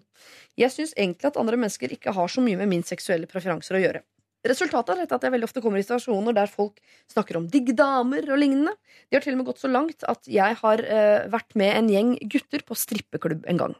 Jeg har ikke noe mot at folk snakker til meg om sånne ting. Tvert imot, jeg er veldig glad i det, men jeg liker, meg, liker å føle meg som en av gutta. Problemet er at jeg føler at jeg lurer dem, Og på et tidspunkt blir det nesten flaut å skulle si at jeg er homo. Hvordan kan jeg være åpen om legningen min, men fremdeles bli behandlet som en av gutta?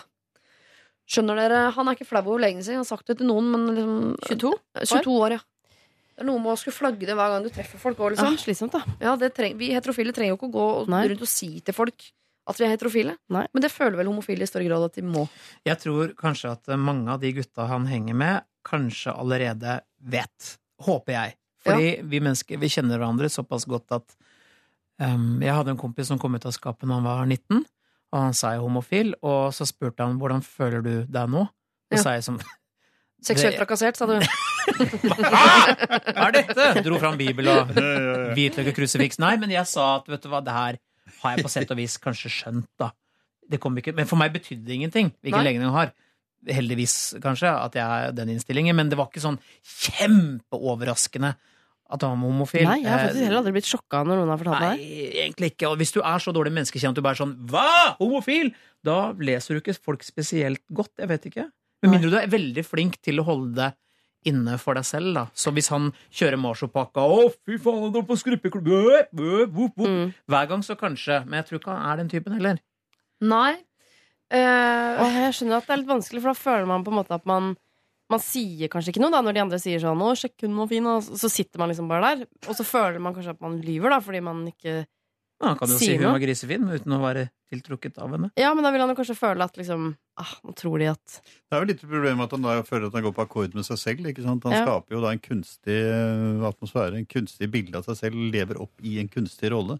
Og det kan jo- være ganske vanskelig. Ja, det er en vrien situasjon, det der, men eh, det er, basically så er det vel det at du går jo ikke rundt og flagger seksuell legning sånn by and large, så du kan jo leve et relativt normalt liv uten å mm.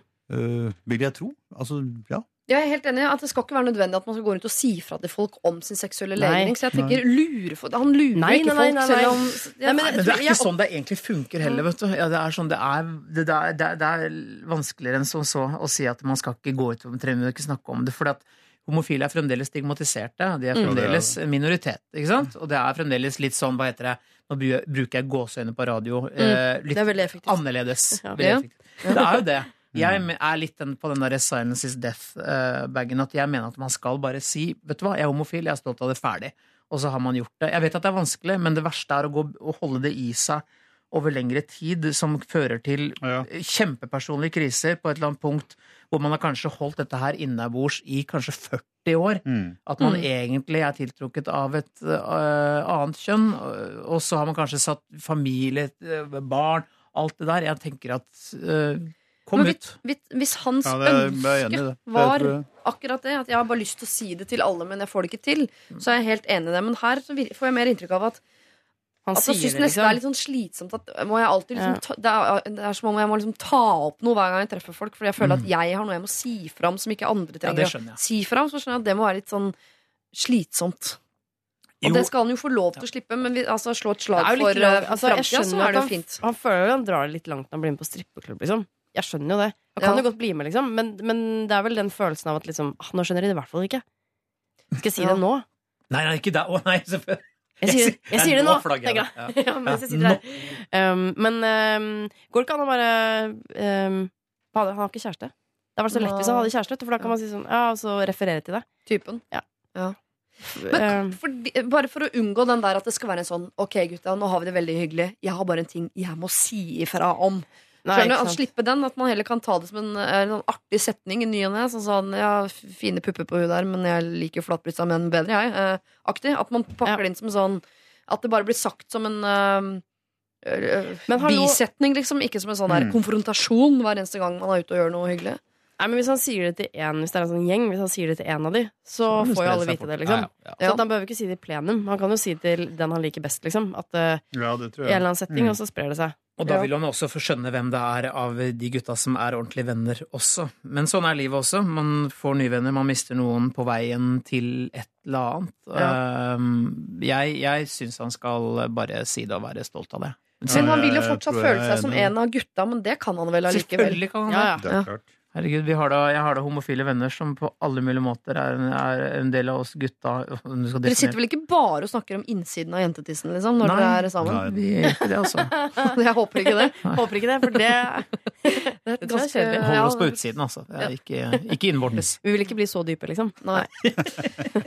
Så hva er rådet da til denne eh, unge gutten som vil bli behandlet som en av gutta? Litt Altså, enig i det du sier. Ta det gradvis. Eh, legg kanskje inn noen bisetninger her og der. På et eller annet tidspunkt så vil folk være klar over det, og så er det ikke de sju lenger. Nei. Tenker Nei. jeg. Og hvis noen syns det er problematisk, ja vel, så er ikke det en ordentlig venn. Si det før det blir en ting du bare går og, og tenker på. Altså, ikke, la det liksom, eh, ikke la det ligge der hele tiden som en sånn våt klut over alle situasjoner du befinner deg i. Og hvis den våtkluten forsvinner ved at du sier fra deg det du går inn i rommet, ja, så gjør det, da. Eller snik det inn som en artig kommentar i løpet av kvelden, eller hva som helst. Men dette skal jo ikke være noe som, du, som skal gå kverne og kverne og kverne, og kverne, og det er ikke noe folk har liksom plikt til å vite. Du lurer ingen på noe som helst måte. Men uh, eh, hva var den engelske setningen du sa i stad, Christer, som jeg er egentlig sånn overall ganske enig i, da. Silence is death. Hvis dette her skal bli liksom 100% normalt for alle, også utenfor Ring 3 i Oslo, så eh, er alle eh, nødt til å snakke om det ganske mye og stå for det og være stolt av det til enhver tid. Så hvis du kan være med og kjempe den kampen, så setter vi jo pris på det som samfunn, men det er ikke din plikt allikevel. Lørdagsrådet er her hver eneste lørdag, eh, så de problemene vi ikke rekker i dag, de tar vi eh, neste lørdag, eller lørdag etter der, eller kanskje det koker bort i kålen. Hva vet jeg? Fortsett å sende inn. lralfakrøll.nrk.no. Somebody fikk vi der i Lørdagsrådet, og nå skal vi snakke om noe som vi heldigvis, vil mange si, kanskje for øyeblikket vet altfor mye om. Altså, her er det en som skriver Kjære Lørdagsrådet, jeg har et fint liv og, kalle, og jeg er det man kan kalle en vellykket ung jente. Dette vet vi nå om, for det kan vi kjenne oss enig i. Det er ikke det jeg mener. Jeg går på et prestisjetungt studie, har en økonomi som går rundt, en støttende familie og en passe stor flokk med gode venner. Ingen store ting å klage på, med andre ord. Men det er én ting som mangler i denne idyllen. En kjæreste.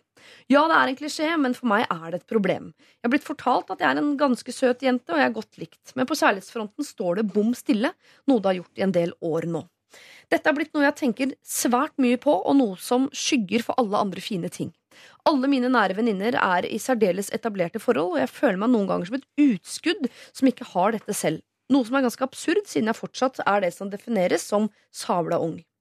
Jeg føler jeg henger milevis etter de andre og har lite å bidra med i samtaler om rekkehus, familieplanlegging og romantiske ferieturer, selv om jeg egentlig ønsker meg dette selv en vakker dag. Innerst inne vet jeg at det ikke er noe galt med meg, og jeg har ikke lyst til å hjelpe, bli en sånn jente som er avhengig av en gutt, men jeg tenker irriterende mye på det. Venninnene mine forteller meg at jeg må nyte singeltilværelsen, men jeg er ikke ute etter en haug med one night stands. Det som er mitt enkle problem, er, eh, og som jeg trenger deres hjelp til, er følgende. Hvordan kan jeg klare å ikke tenke på dette døgnet rundt? Hvordan skal jeg bli tilfreds og fornøyd med tilværelsen og slutte å fokusere på denne ene tingen som mangler i mitt ellers fine liv? Hilsen frustrert jente i midten av 20-årene. Hmm. Her er det jo ingen uh, single sånn på papiret rundt bordet i dag, men uh, alle har vært single. øh, og vet at Man er uenig om det. Noen mener at det handler om å finne en partner. Noen mener at man kan ha det like så fint alene. Hva mener Mm. dere?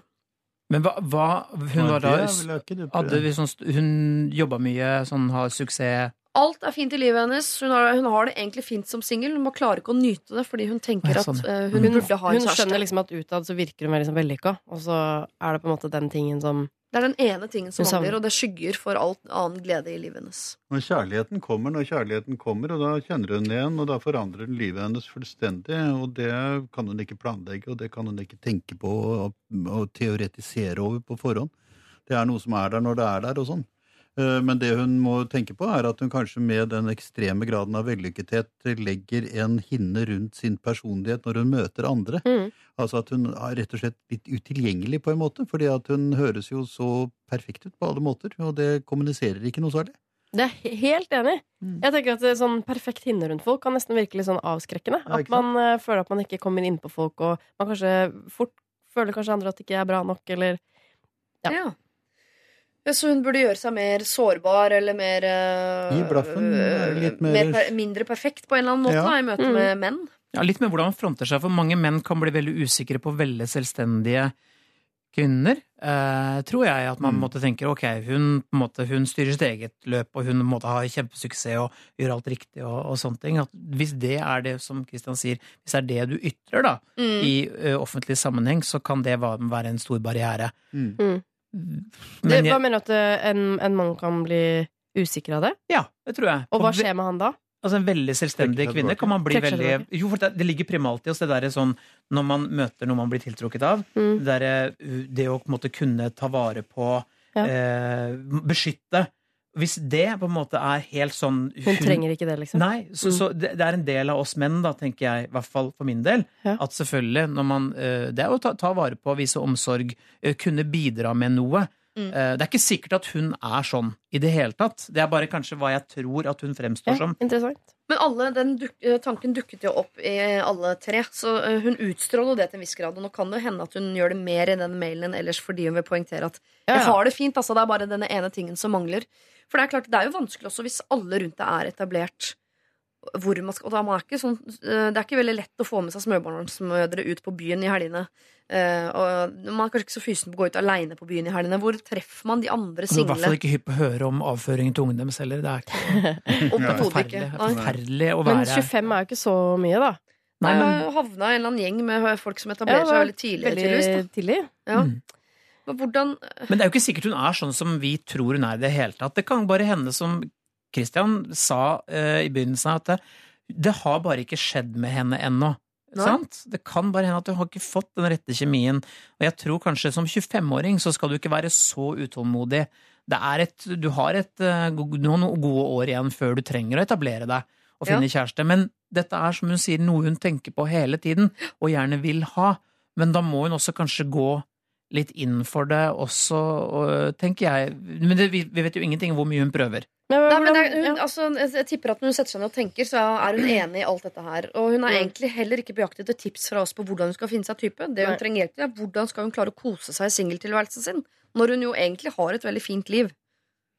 Og så ønsker hun å kose seg i det fine Det som livet. kan Du kan ikke som svare på det spørsmålet. For det er klart, altså, ikke sant, den der, eh, det ligger jo i ethvert menneskes natur at du på en måte søker mot kjærligheten, at du higer mot kjærligheten. Det er en intuitiv handling hos deg, så du, hun vil jo alltid gjøre det. Ja. Og hvis hun da på en måte ikke, ikke finner den og ikke har opplevd den, så vil det alltid være et sårt savn et eller annet sted. Så du, du kan godt finne en eller annen metode for å, for å liksom ikke gjøre det, men jeg vet ikke om det er noe, egentlig noe poeng. Men jeg, jeg, jeg kan, når jeg, i de perioder hvor jeg har vært, øh, vært singel, så har jeg jo delvis tenkt liksom at åh, dette er ikke noe gøy, og innimellom å herregud, dette er gøy. Ja. Uh, og når jeg har hatt det veldig gøy, så har jeg ofte vært um, sammen med folk som heller ikke er i et forhold. Eller liksom gått ut med en gjeng, hatt det kjempegøy, og bare kjent på den friheten av at liksom, ha, jeg kan være ute så lenge jeg vil. Det er ingen som bryr seg. Jeg kan, gjøre, jeg kan liksom ligge alene hjemme en hel helg uten å si fra til noen. Eller jeg kan være ute hele helgen. Uh, jeg, jeg, jeg er helt fri. Mm. Og det er jo veldig deilig. Det er kanskje ikke så deilig hvis man ikke har vært i et forhold. Da Ja, har man liksom ikke kjent på den der uh, forskjellen der. kontrasten- Eh, men jeg er også helt sikker på at eh, At hun kommer til å treffe noen. Det gjør hun jo selvfølgelig. Er bare så frustrerende å høre det når man tenker sånn Men Jeg da, vet det, jeg jeg vil treffe han nå! Jeg vil treffe Ja, nå! Jo, men, Men eksempel, kanskje- Jeg har et eksempel. En venninne hun er 37, og hun, som hun sa for et år siden, er Tinder fører bare til bak, eh, bare til fylleangst og klamydia. Uh, ja, men det var det, det sånn opplevde hun det liksom. Det var bare tull, da. Med, Ja. med one night stands og sånne ting. Og så, nå har hun møtt en fyr, og hun møtte hun på en eller annen sånn derre Norway Buss Express. Oi. Og de var bare de to om bord som ble sittende og prate. Ja, så nå dater de. Så jeg tenker at det er jo håp, altså, håp for de fleste, da. Ja. Ja. Sant? Bang! Der satt en fyr som Det hun der må hun jo skrive en sang om. Nettopp! Tie a yellow ribbon round the old oak tree. Ja, så jeg, jeg tenker at det kan skje den beste av den verste, da. Ja. Så, men det, hun har vært singel i hvert fall så lenge jeg har kjent henne. Ja. Ikke sant? Og bare vært ute på noen dårlige affærer da, og slutta med Tinder for et år siden. Men kanskje det ligger noe i det der at Jeg er helt enig at hun kommer ikke til å klare å slutte å, å se eller søke eller ønske kjærlighet. Eller, ikke sant? Og hun kommer alltid Mm. til å uh, måle seg opp mot venninnene i forhold til hvor de er i livet. Og alt det der. Det, det kom, det er, vi har ikke noen noe- teknikker på å få bort det. Men Nei. kanskje hvis hun hvis hun erkjenner at eh, ja, jeg har lyst på kjæreste en gang, og det er det ikke noe gærent med, men jeg har ikke dårlig tid, at hun heller liksom prøver å fokusere på det. At hun i hvert fall kan slå seg litt til ro enn så lenge. Så må hun Ja. ikke måle seg med omgivelsene heller. Hun er 25. Og selv om hun er sammen med en eh, gjeng som er veldig veldig flinke til å reprodusere og etablere seg, så betyr ikke det at hun har dårlig tid for det. Nei, jeg vil si, hun høres jo mer inn for normalen, syns jeg iallfall. Ja, jeg Ja, er litt jeg vil enig si i det. det. Ja. Så jeg tenker sånn, slapp av, det kommer før veit ord av det, som Christian Borch så Og da er det liksom for seint, liksom. Da, da, da kan du ikke gjøre hva du vil lenger. Det er for seint. Ja. Ta buss, ta buss, sett deg på en buss uh, Sørlandsekspressen og se hva som skjer. Jeg skal gi det rådet som kanskje er mitt favorittråd. eh, Det er en klisjé, men det er mitt favorittråd gjennom tidene, og som funker egentlig til alle, uansett situasjonen man eh, er i, men som jeg tror er kanskje ekstra viktig her til denne unge jenta. Mm. Og det er senk skuldra, slapp av, Ja. kos deg. P3. Madcon sammen med Ray Dalton, det der var Don't Worry, som jo passer veldig fint til eh, det vi nettopp snakket om. eh, At man er nødt til å bare ta det litt med ro, slappe av eh, og tenke at det ordner seg selv om man er singel. Og så har vi jo også hørt The Prodigy, Smack My Bitch Up, som vi ikke kan bruke til noe som helst fornuftig hva rådgivning angår. Deres siste problem ut i dag, før vi går videre inn i lørdagene våre, kommer fra en frustrert gutt på 26. Han skriver til oss. Hei, kjære Lørdagsråd. Jeg har et problem jeg virkelig ikke aner hva jeg skal gjøre med, og nå trenger jeg hjelp. For fire år siden så annonserte mine foreldre til meg og min bror at de skulle skilles. Det var trist, men vi tok det fint. Både jeg og bror hadde allerede flyttet ut hjemmefra, så vi tenkte at dette her, det skal gå greit. Mange har jo skilte foreldre. Moren min flyttet ut ganske raskt, men etter fire år har eh, de enda ikke skrevet under separasjonspapirene. De feirer fortsatt både jul og bursdager sammen, og de har også dratt på ferier med hverandre. Det hender de sover over hos hverandre, og de kysser hverandre ha det hver gang de ses. De har forsøkt seg på nye kjærester begge to, men det går naturlig nok ingen vei når mamma og pappa fortsatt oppfører seg som om de er gift. Jeg og broren min vil at de skal være lykkeligst, helst sammen med hverandre, men de sier begge to at dette aldri kommer til å skje. Hva skal vi gjøre? De sitter jo fast i noe de sier at aldri kommer til å skje, men det ødelegger jo også for eventuelt nye forhold. Hilsen frustrert gutt på 26. Må de blande seg borti dette?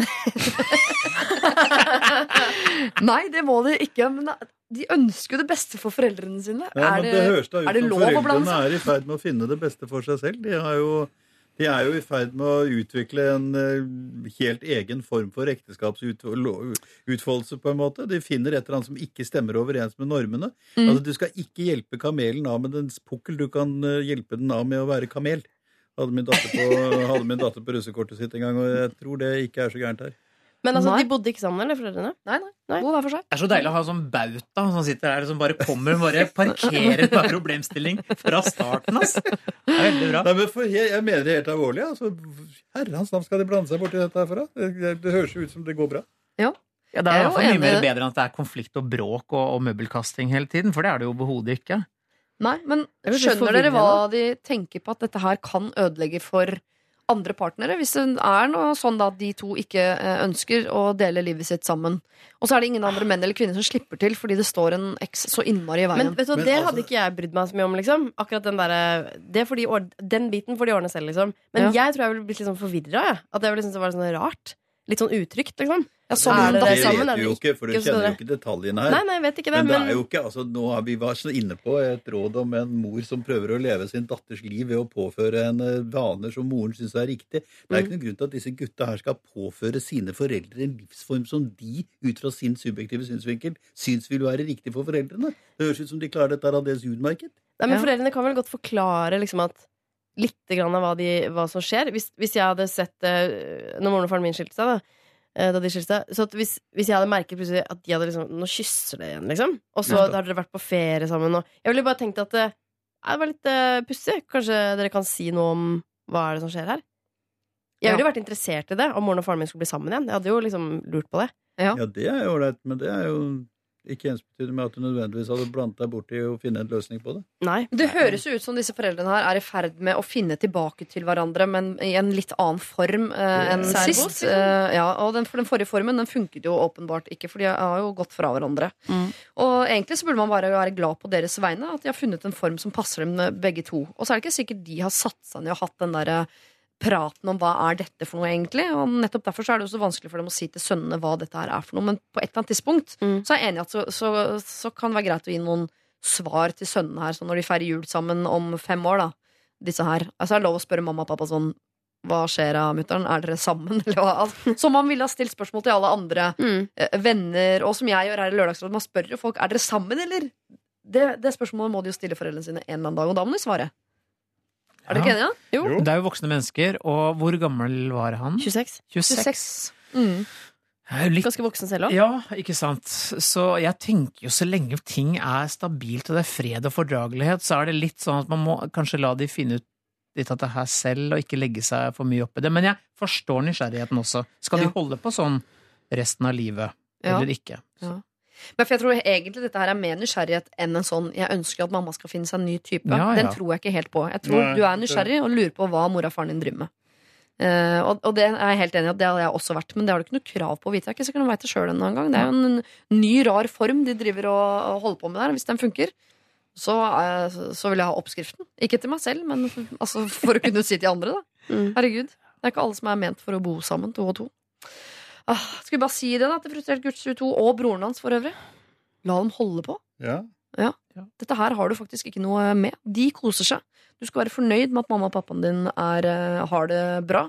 Om de står i veien for andre damer og menn, det har Det er ikke du. Nei, Men det er det lov å spørre, da. Ja, men det Ja, har du ikke ja, lyst ja. til å vite heller, liksom. At uh, mamma er ute og, og på galeisen for å Mm. eh, fange menn. Ja, det er ikke, det- jeg, vil heller at, eh, jeg vil heller ha det sånn enn en alternativet. Ja, Heller skal surre rundt med, med faren din, ja, faktisk. Ja, det ser og føles bedre ut. Ja. Akkurat jeg vil ikke det at mutter'n skal surre rundt på fatter'n. Hvis du hører på mamma, det må du ikke finne på å gjøre. Aldri, aldri, aldri, aldri, aldri. Hold den munnen, mannen, unna vår familie. Du må ikke finne på å gjøre det til alle dere andre. Slå dere løs. Finn den formen som funker for dere. dere.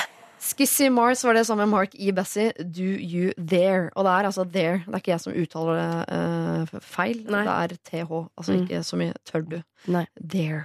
Dere, eh, dere skal dele ut en eh, kopp til den dere mener at fortjener det mest. Og jeg forventer ikke at dere skal huske alt som har blitt sagt her i dag, så derfor skal jeg gå gjennom eh, morgenens kandidater.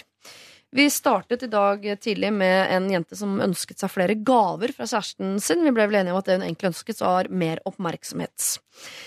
Vi har en eh, jente som eh, til stadighet får Snapchats av en eh, venn, som, og disse bildene tar han på en arbeidsplass hvor ikke det er lov å ta bilder, og hun er usikker på om hun skal melde fra. Hun kan potensielt da sørge for at denne mannen mister jobben, og livet hans kan bli skakkskjørt igjen som før.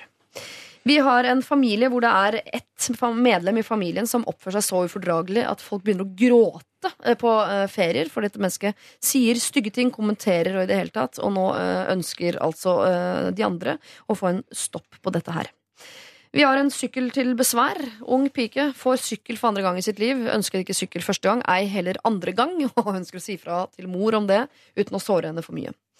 Og så har vi en ung homofil mann som lurer på om han kan få slippe å alltid liksom på en måte må gå inn i et rom og presentere seg som 'hei, jeg er eh, homo', eller om han eh, kan bare la det ligge litt, eller om han da lurer de andre. Nei, det gjør det ikke. Hvordan skal man være singel og lykkelig, er det en som lurer på. Og så er det en som helt på sampen her lurer på uh, hva er det mamma og pappa driver med. De har gått fra hverandre, men de driver og surrer. Det har du ikke noe med. Hvem fortjener kopp? Hvis vi skal gå ut fra vesentlighetskriteriet, som vi jo snakket mye om i Dagsrevyen i sin tid, for å si det sånn, så tror jeg at hun med sykkelen fortjener koppen. For hun har den vanskeligste jobben. Altså Ja. Hun må på et eller annet sett og vis få sagt fra til sin mor og stoppet det som tydeligvis er et forsøk på invadering, om å bruke den sykkelhistorien til å forsøke å løse det problemet på en mest mulig vellykket, men effektiv måte. Og hun trenger en oppmuntring. Jeg vet ikke om en kopp fra NRK er en oppmuntring, eller fra P3 Morgen, men vi må definere den som det.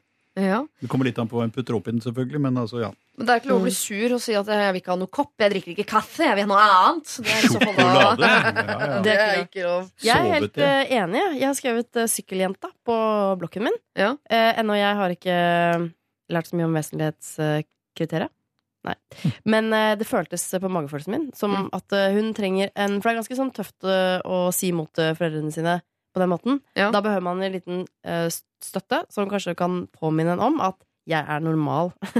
ja. Jeg har lov til å si dette. Og da kan hun se på den koppen, eller eventuelt drikke den. Som er mer vanlig enn å stille på den. Hva tenker du, Krester? Jeg var litt på Snapchat, og i forhold til han som da legger ut eh, bilder av film av ting han ikke skal gjøre, og det oppgjøret hun må ta. Men jeg er jo Jeg kan være enig Jeg kom litt bardus på at det var sykkel hos dere begge, men jeg blir med på det. Jeg, for det er en tung jobb å si fra om Her er jeg, og jeg vil ikke ha det. Kan jeg få noe jeg vil bruke isteden? Ja. Det er en eh, vanskelig ting å si fra om, for man eh, havner fort i den sånn Nå er du ung og dum og pubertal og i oppgjør mot moren din-fella igjen. Så du må på en måte prøve å unngå den. Og kanskje det å få en kopp og bli minnet på at eh, fire voksne mennesker er helt enig i at det er lov å si fra om denne sykkelen. Den skal du ikke ha på noen som helst måte. Du har jo en sykkel i garasjen, herregud, og nå får du også en kopp. Gratulerer med det. Ikke sett den i garasjen, da. Da blir jeg ganske sur. Det kan jeg bli. Folkens, ha en fortreffelig lørdag videre. Det var veldig veldig hyggelig at dere kunne komme hit og gi gode råd i eh, nesten tre fulle timer. Hyggelig å være her. Ja, Ja, veldig hyggelig. Og god sommer, ja. God sommer God selv. sommer. God sommer til dere òg. Donkeyboy var det med sin uh, Hero, og du hører fortsatt på Lørdagsrådet. Klokka er ikke riktig tolv ennå. Kristian Christian Borch, Kristine Riis og Christer Torjussen har gått videre i sine lørdager. Og det gjenstår for meg å si, uh, før du fortsetter med din lørdag, at vi er tilbake også neste lørdag. Vi tar ikke sommerferie riktig ennå. Så hvis du har problemer, så send de for all del inn til oss på mail lralfakrøll.nrk.no. Enn så lenge så må du jo gjerne høre mer som podkast eller i din eh, radio på nett, eller hvor du nå foretrekker å høre radio. Eh, jeg kan også eh, nevne at på både Facebook og Instagram så ligger det bilder av dagens eh, rådgivere. Også denne gangen tatt som en slags selfie. Det er ikke nødvendigvis vakkert, men det, det funker nå enn så lenge. Dagens sending er produsert av David og Golat, og jeg ønsker deg en fortreffelig lørdag videre. Opp mot nyhetene. Dette her er Ondt blod, nye lydspor.